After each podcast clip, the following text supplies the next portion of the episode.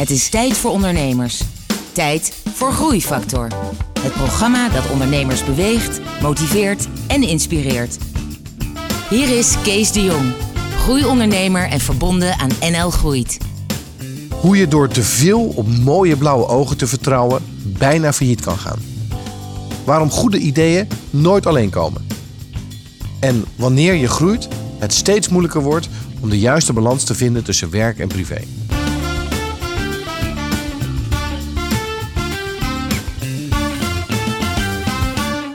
Hallo en welkom bij Groeifactor. Het programma dat ondernemers beweegt, motiveert en inspireert.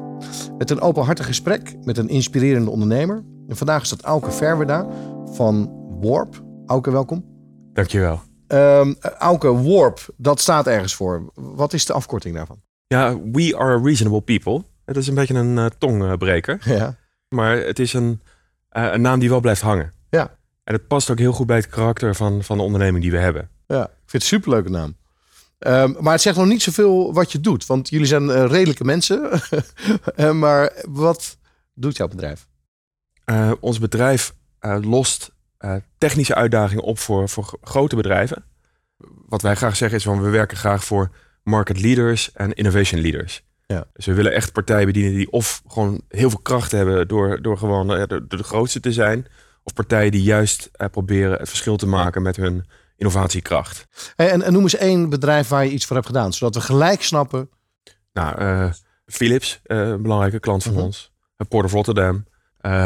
de financiële dienstverleners die, die tot de top van hun segment horen. Ja. En, en, en jouw clubje is uitgegroeid, uh, tenminste je hebt ook een compagnon, hè? dus jullie clubje is uitgegroeid tot een man of uh, 40 richting de 4 miljoen omzet. Ja. Dus dat is al best wel, best wel een redelijk bedrijf. Um, maar dus je hebt een hele carrière achter de rug als, als ondernemer. Wat, wat is nu jouw leeftijd? Ik ben 36 jaar. Ja. En eigenlijk, um, we zijn nu, in eind 2012 zijn we, zijn we echt begonnen met dit, met dit verhaal. Ja. Um, een uitstekende kandidaat voor groeifactor wat dat betreft. Want uh, in vijf jaar naar 40 man, dan heb je toch wel, uh, toch wel goed. Ja, dat is, en dat is, bijna, dat is aan het begin heel erg organisch gegaan. Um, dus ik denk dat, dat, dat uh, pas toen we echt die, die groeistadia bereikten, ik denk na die eerste miljoen omzet, um, dat dat opeens een veel bewuster, maar ook een veel complexer proces werd. Ja. dat, en, en, en met name nu zeg maar, als je het hebt over de doelstellingen voor de toekomst, wordt dat steeds uitdagender. Ja. In ieder geval in termen van hoe hou je die groei vast. Ja, want jij had berekend, zei je net even, dat je voor de Ernst Young Technology Fast 50, ja. hoeveel procent waren jullie gegroeid? 997 procent. Daar gaan we het straks ja. over hebben. we hebben die enorme groei van jou. Daar zit een groeifactor achter. Wat is dat nou precies? Maar ik wil eerst met jou praten over jouw begin. Want jij was al 19 toen jij je eerste bedrijf begon. En dat was een beetje in het midden van de eerste internetbubbel. Tenminste, in ieder geval van, van de internetbubbel. Want we weten niet of de huidige internet of dat ook een bubbel is. Ja, nou, ik studeerde aan het University College in, Mhm. uh, in Utrecht. En um, ik had daar een paar studenten uh, om me heen uh, verzameld die ook die de studie wel leuk vonden. Maar misschien nog wel leuker vonden om iets voor zichzelf te gaan doen. En we hebben toen een, een, een, een plan geschreven om, om studieboeken te verkopen onder de, onder de vaste boekenprijs. En eigenlijk daar een, een, een, ja, een, een, een, een, een financiering slash subsidie voor gekregen van, van 4 ton. Dat waren guldens van Twinning. Ja, en Twinning was een van die incubators destijds. Ja, dat was eigenlijk... Financiële wel, incubator. Exact. met, met geld van de, van de overheid erin ook. En en Roel Pieper die, uh, was erbij betrokken. Ja. En allerlei uh, houten methoden, om het maar even zo te noemen. En het was een betrekkelijk compact proces om, om, om dat geld te krijgen. Toen maar hadden... ben je 19 en dan krijg je 4 ton gestort. Ja, ja klopt. Dat, dat, is ook wel een soort van uh, rare ervaring, denk ik. Want in die tijd was 25 euro, 25 gulden nog, nog veel geld. Ja, dus dat, dat was ook... Dat, dat, dat was misschien een zegen, maar dat was ook een, misschien was het ook uiteindelijk wel de doodsteek van, van het initiatief omdat uh, het hele basisprincipe van ondernemerschap, namelijk uh, geld verdienen, dat werd eigenlijk even op standby gezet. Ja. En wat subsidies ook kunnen doen, bij wijze van spreken, dat je even geen zorgen meer hoeft te maken over, over omzet. En sowieso was er natuurlijk een beetje een cultuur in die tijd dat, dat burn rate soms een, belangrij- een belangrijkere indicator was van succes dan, dan feitelijke verdiensten. En wanneer was het geld op? Het geld was effectief gezien anderhalf jaar later was dat op. En, en, en daarna ben jij bijna, zeg maar, heb jij Facebook opgezet? Nou, eh, onze doelstelling was sowieso om studenten te benaderen. En hadden toen eh, het idee om een soort platform te maken voor studenten. Waar ze een eh, pagina konden aanmaken, persoonlijke pagina. En voor hun eh, eh, verenigingen misschien ook. Dat ze lid konden worden van sub, eh, ja, subverenigingen op die, op die site. TribeY heette dat. Ja, ook om die markt open te trekken van die studenten. Ja. Maar dat is uiteindelijk ook in de zeebel, als Ja. de zeebel uit elkaar gespat. Ja. Want daarna ben je bij een incubator gaan werken. Ja, want ik had, nou goed, ik had die, die ervaring achter de rug van, van ons initiatief. Mijn studie afgemaakt. Ehm, nou, inmiddels was er ook, eh, wa- was, eh, eh, ik, ik, nou, ik had een baan gescoord bij Accenture, dus ik zou daar consultant worden. Ja, toen vloog er een, een vliegtuig in een wolkenkrabber. Ehm, daarmee werd dat plan ook even on hold gezet. Dus toen ben ik twee jaar lang financiële consultancy gaan doen. Ook omdat juist die financiën die hadden redelijk geleden onder het start-up avontuur. Toen kwam ik erachter dat de sector misschien niet super eh, moreel was. Ehm, ben ik ook eh, wat andere dingen gaan doen. Mijn muziekhobby op gaan pakken. eh muziekmagazine opgezet. Dat soort zaken. Maar dat was nooit echt super winstgevend. En toen ben ik aan boord gekomen bij een incubator in 2007. Een van de eerste nieuwe media incubators in, in Amsterdam. En dat heette Media Gilde. Oké. En ik moest daar eigenlijk initiatieven scouten. Mijn rol was, ik kwam daar aan boord als scouting en screening manager. Dus we moesten op zoek, want ze hadden een prachtige infrastructuur opgetuigd. Maar die was leeg. En er zat eigenlijk niemand. Ehm, dus toen hebben we heel snel eh, een paar initiatieven gevonden uit het, uit het netwerk. Eigenlijk bijna allemaal HKU-studenten. En En- HKU is? Dus de Hogeschool voor de Kunsten Utrecht. Oké. Ehm, want die mensen die moeten namelijk iets met hun opleiding. Eh, Je kunt niet, een, een, in de regel kun je niet een goede baan bij, bij een multinational krijgen als je kunstacademie hebt afgerond. Maar die mensen konden heel veel met technologie en met design. Dus dat was een ideale kweekvijver om, om initiatieven te vinden. En die hebben we toen ook wel eh, gevonden daar. Wat zijn nou dingen die jij die bedrijfjes hebt kunnen leren, wat jij al wist? Nou, maar ik, ik denk dat de eerlijkheid gebied te zeggen dat, dat ehm, zeker aan het begin, er waren, de, de wereld was toch alweer snel veranderd. Ehm, het was niet zozeer de ervaring, maar gewoon het logisch nadenken wat je kon toevoegen. Ehm, die, die, die, die, die focus die ik net aangaf op, op, op van er moet ergens down the line geld verdiend worden. Mhm. Eh, dat is wat ik zeg maar daar heb kunnen doen eh, en nog steeds doe. Dus ik, ik, dus er, er wordt door sommige mensen over een soort magisch proces gesproken over hoe het, hoe het nou is om een bedrijf te laten groeien. Maar uiteindelijk is dat, eh, eh, is dat eh, eh, om het heel, heel, heel plat te zetten, eh, te zeggen, is het, is het gewoon dat je in een Excel kan laten zien dat je, dat je eh, vorig jaar eh, één stuks eh, verkocht en het jaar daarna eh, twee. En dan heb je 100% groei eh, te pakken in een jaar. Ja. Ehm, dus ik denk dat zeker die, al die hype die daaromheen zat, hè, die vertroebelt af en toe de focus op, op, op, op, op, op Waar het gewoon echt het gaat. Nou ja, in ieder je geval. gewoon dingen moet verkopen. Nou, kijk, en, eh, juist die initiatieven daar, die waren, die waren heel exploratief. Eh, het, het idee was ook, ook om, om, om, eh, om echt te kijken van wat voor impact we konden maken. Ik denk dat de selectie van die start-ups, dat die uiteindelijk gewoon heel goed was. Dus dat die mensen er, dat het heel moeilijk is om aan te tonen welke impact wij hebben kunnen maken op die eh, initiatieven. Alleen het feit eh, wel is dat die initiatieven allemaal, eh, of bijna allemaal, wel succesvol geworden zijn. Ja, wat noemen ze een paar bedrijven die daarin zaten, die we eventueel kennen? Dus, dus Sofa was, was een van de eerste bedrijven die daar, die daar zat. Dat waren jongens die, die ooit bij een Apple winkel werkten en constateerden dat daar een, een kassasysteem was wat niet Apple waardig was. Dat toen zelf zijn gaan maken. Toen ook nog op het podium gevraagd zijn bij Steve Jobs. En toen gekocht zijn door eh, Facebook. Een Acqui-Hire.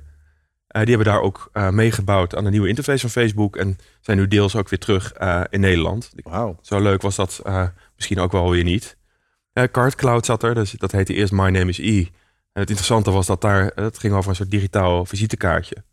Maar daar was tamtam omheen, want, want Werner Vogels, de, de vice-president van, van Amazon, die was daar een van de investeerders. En dat was natuurlijk bijzonder, dus die, die, die kwam ook wel eens over de vloer. Dus nou, een soort grootheid had je daar dan eh, eh, rondlopen. Ja. En de eerlijkheid gebied te zeggen dat we daar zelf met die incubator en ik ook als persoon in ieder geval geen cent wijzer van geworden zijn. Nee. Wel heel uh, geweldige interacties met, met die mensen gehad. En dat is ook de drijfveer geweest voor mijzelf om, om op een gegeven moment te zeggen van joh, uh, je, je omgeeft je met, met al dit soort mensen die gewoon succesvol zijn in, de, in dat domein. En wanneer, wanneer ga je zelf eens iets, iets doen wat een beetje succes heeft? En dat vroeg jij jezelf? Wanneer ga je zelf en wat was de stap die je nam? Uh, het was op een gegeven moment uh, Chris Beemster, mijn, mijn partner, die mij belde en zei van een Auke, van, wij hadden eerder al muziek gemaakt samen in een, in een verleden daarvoor. Van ik heb een bedrijf wat volgens mij best wel veel omzet maakt. maar misschien, misschien niet genoeg winst. Um, en, en dat was het geval. Daar, daar liepen tien freelancers rond. En Chris. En Chris die verdiende eigenlijk het minst van iedereen. Maar haalde wel al het werk binnen. En er zaten natuurlijk hele dure freelancers. Uh, want freelancers zijn natuurlijk de facto duurder dan eigen mensen. Ja. Dus we hebben ook eigenlijk, hebben eigenlijk een scaling back gemaakt. Eigenlijk alle, op één na, alle freelancers vaarwel gezegd. En het bedrijf opnieuw gaan opbouwen met, met eigen mensen. En een eigen identiteit en een eigen statuur. Nou, dat, wat, wat we eigenlijk gedaan hebben is, is door heel goed te kijken waar onze mensen vandaan komen. En wat het profiel was van de organisatie. En daar heel specifiek op te adverteren en ook uh, referrals te zoeken. En een proces in te richten dat we ook uh, mensen uit het buitenland gewoon heel goed naar Nederland kunnen halen. Mm Dus dat uh, je moet iets, een afspraak hebben met de IND om, om mensen hier te krijgen. Je moet misschien wel een afspraak hebben met een makelaar, dat mensen snel een huis kunnen krijgen. Je moet een afspraak maken met een bank, ze snel kunnen betalen. dus dat, dat kan nu geloof ik ook met Bunk. Maar het was een hele onderhandeling om dat voor elkaar te krijgen. Dus wij kunnen iemand uh, overal ter wereld kunnen wij hier naartoe halen binnen een maand. En aan de slag krijgen. Dus eigenlijk van jouw belangrijkste uitdaging heb je eigenlijk je sterkste punt gemaakt. Door het inderdaad zo, ten eerste die het dus tussenuit te snijden. Niet alleen meer in Nederland uh, te zoeken. Ja. Uh, um, want hoeveel nationaliteiten hebben jullie nu in dienst? Ja, dus, dus ik probeer het net nog eventjes te tellen. Ik denk dat het er 16 of 17 zijn. Ja. Um, en maar het, het helpt bovendien heel erg voor... Uh, het, het, sowieso op het moment dat je dus begint met internationale profielen, heb je vaak een situatie dat je het gros uh, Nederlanders hebt en dan een paar internationale mensen. En dat zorgt gewoon in principe dat de cultuur Nederlands is. Ja. Dus de voertaal was ook heel lang Nederlands. En nu, eh, nu wij gewoon die nationaliteiten hebben, merk je meer en meer, ook bij mezelf, dat, dat je gewoon met elkaar Engels gaat, gaat spreken. En dat helpt enorm voor het vormen van die collectieve cultuur. Ik, ik heb hetzelfde gehad. Ik heb ook een Europees bedrijf gebouwd. En wij waren een Nederlandse boerenlullenclub. Ja. Tot het moment dat 50% buitenlands was, 50% plus 1. Ja, exact. Want toen, toen moest je wel, toen werd alles automatisch Engels. Ja. Uh, maar het bleef heel lang, ja, de, de, de, de, de, de reflex om Nederlands te blijven, die, ja. die blijft heel lang. Dat zit er gewoon in. Het is heel verleidelijk. Ja. Ik heb uh, Engelse achtergrond of in termen van internationale scholen gedaan. En zelfs in mijn geval is het af en toe heerlijk om, om gewoon Nederlands te praten. Ja. Dus, dus op het moment dat er ook alleen maar Nederlanders in de kamer zitten, dan gaat die knop ook direct ook weer om, helaas. Je luistert naar Groeifactor. Je was aan het uitleggen hoe je van je zwakste punt je sterkste punt hebt gemaakt. En dat is het aannemen, het, het zoeken, aannemen van developers. Je hebt, dat, je hebt dat gelijk internationaal gedaan. Je bent een internationale club geworden. Um, maar verkopen is, of groeien is aan de ene kant inderdaad het hebben van de juiste mensen. Aan de andere kant verkopen. Ja. Kan je daar iets over vertellen? Nou, wat je, wat je sowieso. Um, wat we hebben gezien is sowieso dat, dat, dat um, in de beginfase. dat we bijvoorbeeld uh, uh, best wel veel klanten hadden die eigenlijk niet zoveel opleverden. Uh, dus het eerste wat we denk ik op dat vlak hebben gedaan is, is sowieso gewoon heel kritisch kijken naar wat, wat in principe de verdiencapaciteit was. En, en hoeveel we van die verdiencapaciteit eigenlijk aan het benutten waren. En, en hoe doe je dat dan? Hoe bekijk je de verdiencapaciteit? Nou ja, dat gewoon, hoe groot is hun budget? Nou ja, goed, je, je, je rekent gewoon met een, met een forfaitair tarief. Je bedenkt van, oké, ik heb vier mensen in dienst. En net zoals jij bij wijze van spreken net onze omzet hebt geschat. Uh, uh, dus dus, dus, dus uh, op het moment dat je tien personen in dienst hebt, is het gezond om 10 miljoen, wat zeg ik, 1 miljoen euro omzet te maken, bij wijze van spreken. En je kunt op, op, individueel niveau kun je daar natuurlijk een schatting van maken van wat iemand zou kunnen verdienen. En we kwamen er gewoon achter dat, dat uh, uh, nou, door daar, alleen al, het is net zoals gewicht verliezen. Alleen al door elke dag op de weegschaal te gaan staan, dan snap je in ieder geval heel goed of je aangekomen bent vandaag. Bijvoorbeeld omdat je een frietje gegeten hebt net. Of, of, of dat je aan het afvallen bent. Als je dat elke dag doet, dan, dan, dan kun je daar ook op gaan sturen in je gedrag. Ja, dus dan krijg je een systeem en een proces. Ja. En, en een van de dingen is dus dat je veel meer rigide je, je financiële resultaten bent gaan beoordelen. Was het op dagelijkse basis ook dat je dat bent gaan doen? Nou, in principe, uh, ik zelf wel. Hè, maar wekelijks stuurde ik een, gewoon een hele simpele mail rond van joh, het stoplicht staat op rood, het staat op oranje of het staat op, op groen. van dit wilden we bereiken en hebben we het bereikt. En altijd met de reflectie van joh, ehm, waar ligt dat dan aan? En tegelijkertijd, dat is misschien ook wel eens een unicum van mijn, partner, die een IT-achtergrond heeft is een begenadigd verkoper. Dus sowieso alleen al het hebben van profielen van mensen die technologie snappen en mensen die, die, die business snappen, dat is, dat is al een rariteit. Ja. maar ik denk dat dat één aspect is. Maar het tweede is, van we kwamen er gewoon achter dat het type werk dat wij doen, hetgeen wat werk dat de, het kloppend hart van een bedrijf raakt. We maken geen reclamecampagnes, we maken geen eenmalige uitingen. Maar wij proberen eigenlijk altijd ehm, het hart te raken, de core business van een, van een organisatie. Het heeft uh, een behoorlijke aanlooptijd om aan boord te komen bij een klant. En um, dus het, het, het, het, vinden van nieuwe klanten, dat was behoorlijk tijdrovend proces. Maar is het dan ook zo dat als ze je dan eenmaal hebben ontdekt, dat, dat, dat het een soort verslaving is? Dat ze eigenlijk dan steeds meer bij je willen doen? Nou, dat is in ieder geval het model. En dat gaat in, in 9 van de 10 gevallen gaat dat goed. In termen van dat je je klanten kan behouden. En maar dat, dat heeft er misschien ook mee te maken dat ehm, het, het, inzicht, het, het, dat, dat, dat je daar echt kosten wat het kost uh, naar moest, moest streven, dat is wel uh, ingedaald. En want uiteindelijk kost het natuurlijk veel meer. Wij wisten natuurlijk hoeveel tijd en moeite het kost, kostte om een, om een nieuw account uh, aan te boren. En dus wij, wij, moesten wel degelijk alles op alles stellen, zetten om die, die klanten te, te servicen. Ja. Um, maar het was dan veel meer van als je die groei wilde handhaven. Eh, ontstond op een gegeven moment ook een afhankelijkheid van één grote klant. En eh, ja, dan moet je opnieuw uh, aan, de, aan het roer van je schip gaan, gaan draaien. Om te gaan kijken van oké, okay, hoe kan ik die afhankelijkheden gaan, gaan terugdringen. En dat is eigenlijk, het is eigenlijk wat we bijvoorbeeld het afgelopen jaar heel erg hebben gedaan. We deden eerst voornamelijk dingen in de, in de, in de gezondheidszorg, de digitale gezondheidszorg. Voor Philips onder andere? Ja, dus, dus dat was, uh, was onze voornaamste klant. Uh, dat, werd zelfs, dat nam vormen aan. Um, dus wat wij toen zijn gaan doen, is kijken van oké, welke sectoren vinden wij interessant? En welke sectoren uh, hebben wij netwerk? En in welke sectoren valt er ook nog iets te verdienen? En op grond van die afweging, hè, we zijn een Rotterdamse club. Hè, dus dus Rotterdam is, is verbonden met de haven. Dus hij stond heel hoog op mijn verlanglijstje om met die Rotterdamse haven aan de slag te mogen omdat, het ook, omdat daar ook zoveel ruimte voor vernieuwing is. En nog twee andere sectoren, financiële dienstverlening en slimme steden. Um, het, het, was, het was een eerste uh, uh, shortlist. En toen zijn we op die account zijn we een beetje gaan focussen. En ook klanten afwijzen, bij wijze van spreken, of in ieder geval doorverwijzen naar iemand anders, die niet in die sectoren zaten. En zo hebben we een, een groei kunnen pakken. Dat was wel extreem moeilijk trouwens. Maar dat is wel leuk dat je dat vertelt, want hoe je het beschrijft, dat je eerst zeg maar van je belangrijkste constraint je belangrijkste voordeel maakt. Nou, ja. dat, is al, dat is volgens het boekje. Volgens dat je systemen en processen creëert om je business, zeg maar, te kunnen voorspellen, in toom te houden en dat soort dingen. Wat je deed met die rood, oranje, groen mailtjes die je versturen. En dat je vervolgens, als je weet waar je goed in bent, dat je dat nee gaat zeggen tegen de dingen die daar niet in passen.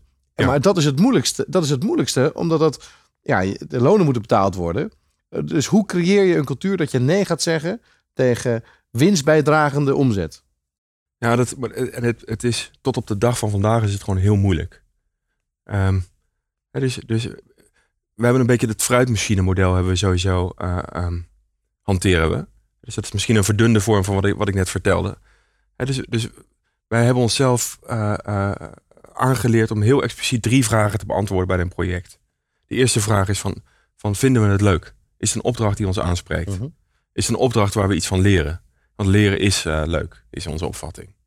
Uh, tweede is van, is er, is er ruimte voor impact? Kunnen wij een verschil maken? En de derde vraag is van, down the line, kunnen wij, ehm, kunnen wij eh, geld verdienen met deze klant of met deze account? En door die tweede vraag, die impactvraag, te relateren aan die vier uh, sectoren die we hebben gedefinieerd, omdat we voornamelijk daar die impact willen zoeken, en was er vaak, dus waren er wel klanten die, die misschien op die impact, uh, die impactvraag eigenlijk er doorheen glipten. Maar met name op het moment dat dan ook een van die andere aspecten niet klopte, dan ging het filter effectief in werking. Dus uiteindelijk is het nog steeds zo dat we zijn niet getrouwd met die vier sectoren. Hè, want ehm, er zijn heel veel sectoren die interessant zijn en de wereld verandert continu. Ja. Ik vind de energietransitie waanzinnig interessant. Elektrisch rijden, maar de, de, transitie in, in mobiliteit vind ik geweldig interessant. Ik moet misschien ook wel zeggen dat de verzamelnamen die we hebben gekozen ook wel heel daar valt ook veel onder te schuiven. Ja. Maar eh, we hebben wel een aantal keren nu al nee gezegd. Ook tegen grote accounts.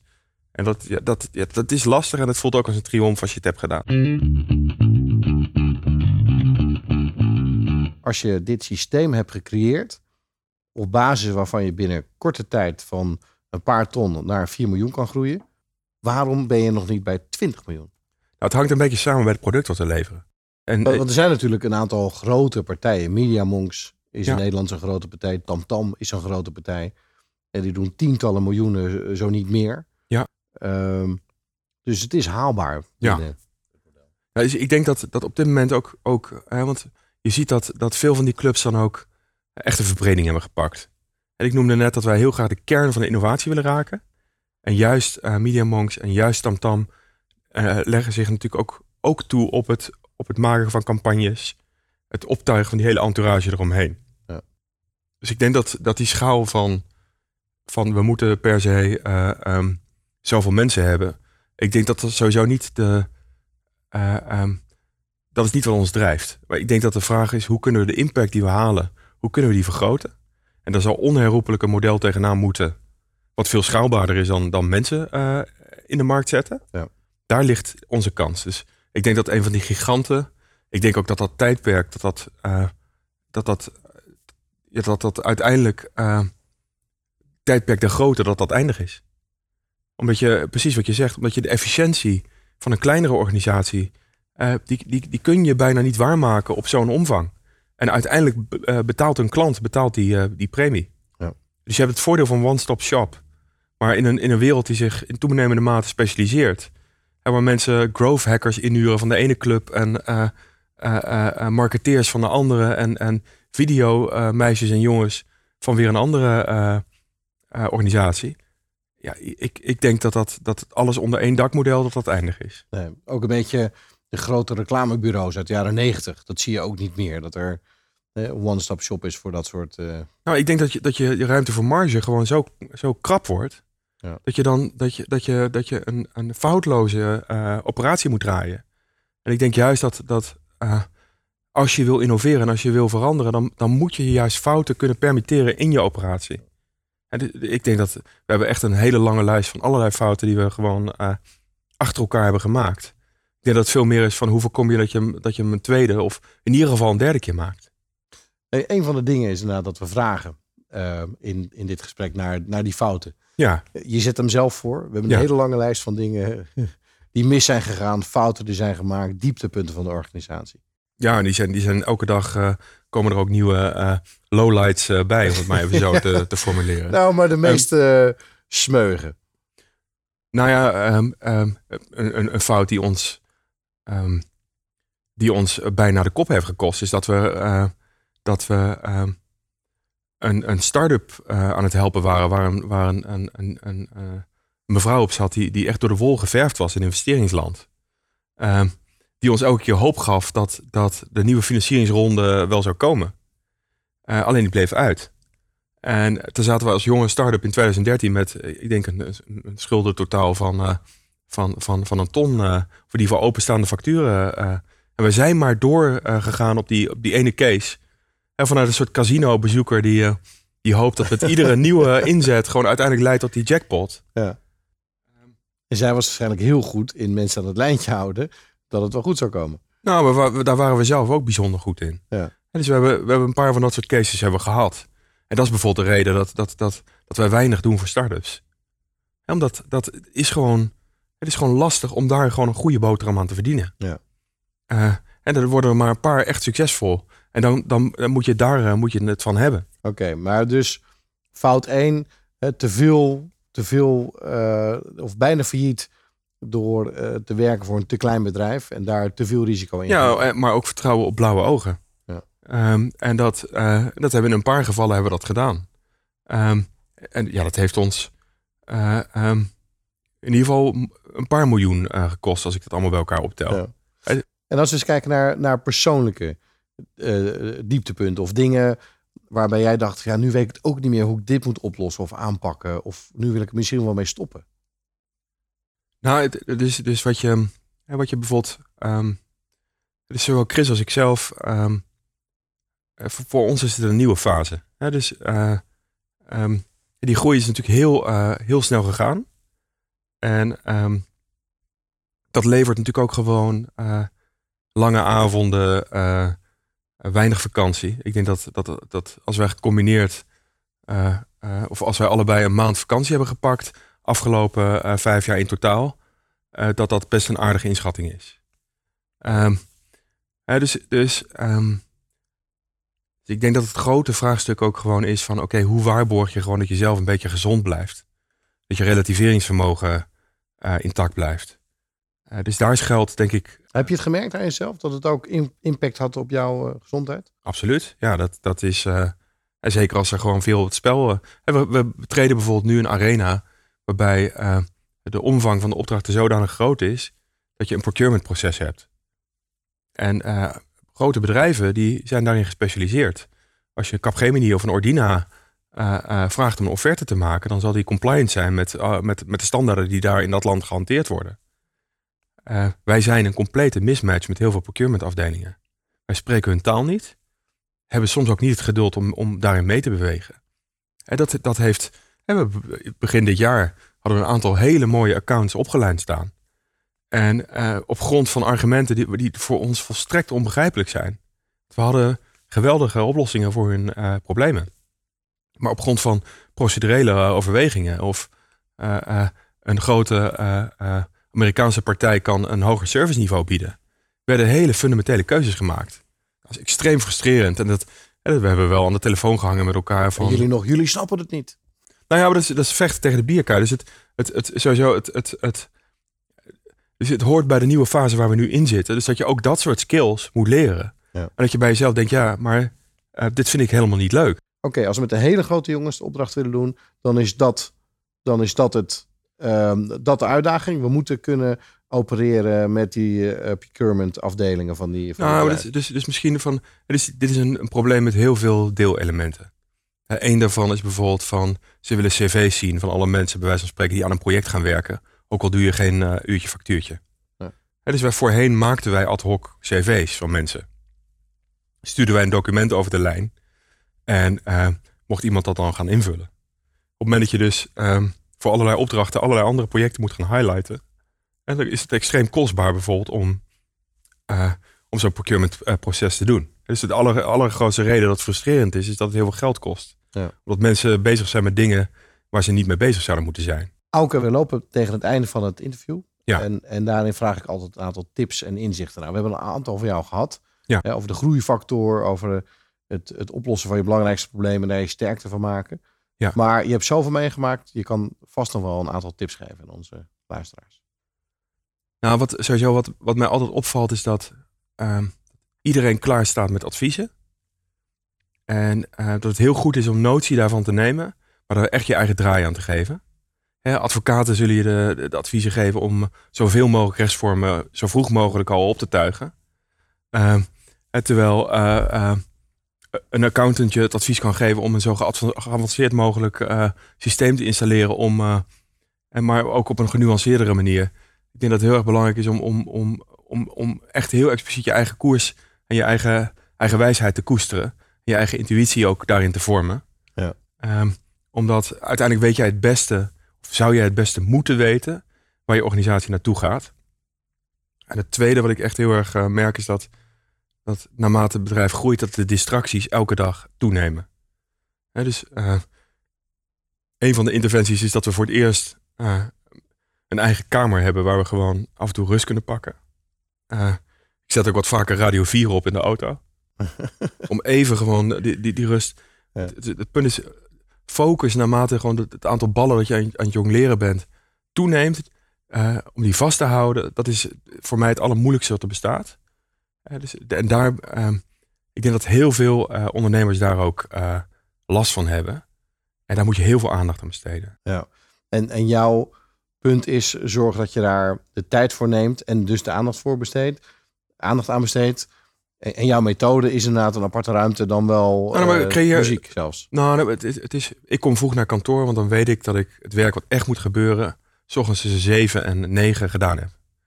Um, dan heb ik ook een inschatting gemaakt, bijvoorbeeld als winstgevendheid hetgene is waar we op dat moment op focussen, dan weet ik hoe we ervoor staan. Het, de grootste verleiding is om, om, omwille van de waan van de dag, om uh, dingen die je structureel moet oplossen, om die uit te stellen tot morgen. En dat doen we wel, uh, maar uh, met het bewustzijn van het feit dat we iets hebben uitgesteld dat we wel moeten oplossen. Ja. Dus het is, die balans is denk ik heel, heel belangrijk. Ja. En daar, um, ik denk dat, dat de derde, misschien het derde geheim is, is voor ons dat, dat, want heel veel bedrijven willen soms heel veel dingen tegelijkertijd bereiken. En dat, dat is misschien ook wel de allergrootste vijand van die focus. Dus door gewoon soms te zeggen, oké, we gaan even die to-do-list van 100 items, die reduceren we even tot 10 of tot 3. Uh, misschien Kanban uh, is, is, ook een methode die dat propageert. Ja. Eh, dan, dan krijg je die dingen veel sneller voor elkaar. Want het psychologische effect dat daar een enorme waslijst van dingen moet, ligt, die nog allemaal moeten gebeuren, dat, is, dat kan enorm demotiverend zijn. Ja. Dus ik geloof ook niet zo dat je alles, dat je met een eindeloze lijst, dat je daarmee alles oplost. Het is veel meer van, oké, waar moet ik vandaag aan werken? Uh, Wat is voor nu het allerbelangrijkste dat we moeten oplossen met elkaar ja. om naar een volgende stap uh, te en En daar elke dag, elke dag daar beter in worden voor jezelf. Want je moet daar elke dag beter in worden, omdat die verleiding om om iets anders te gaan doen, elke dag ook uh, groter wordt. Nou, dat lijkt me een hele mooie om daarmee te eindigen. Uh, en volgens mij zit je met je laatste uh, tip, advies, inzicht ook helemaal in de, in de roos, inderdaad. Kies de prioriteit waar je aan moet werken. en dat doe je door, door één of twee of drie en geen honderd. dus dat is een hele scherpe. je hebt een supermooi bedrijf neergezet de afgelopen jaren. En ja, met de juiste stappen, volgens mij ga je, ga je zo naar die 20. Uh, eh, geen enkele twijfel daarover. Ik vond het een erg leuk interview en ik wil je enorm bedanken. Jij bedankt. Je luisterde naar Groeifactor. Ik wil alle luisteraars bedanken en graag tot de volgende keer. Ga naar mkbbrandstof.nl voor nog meer inspirerende verhalen van mede-ondernemers. Groeifactor beweegt ondernemers.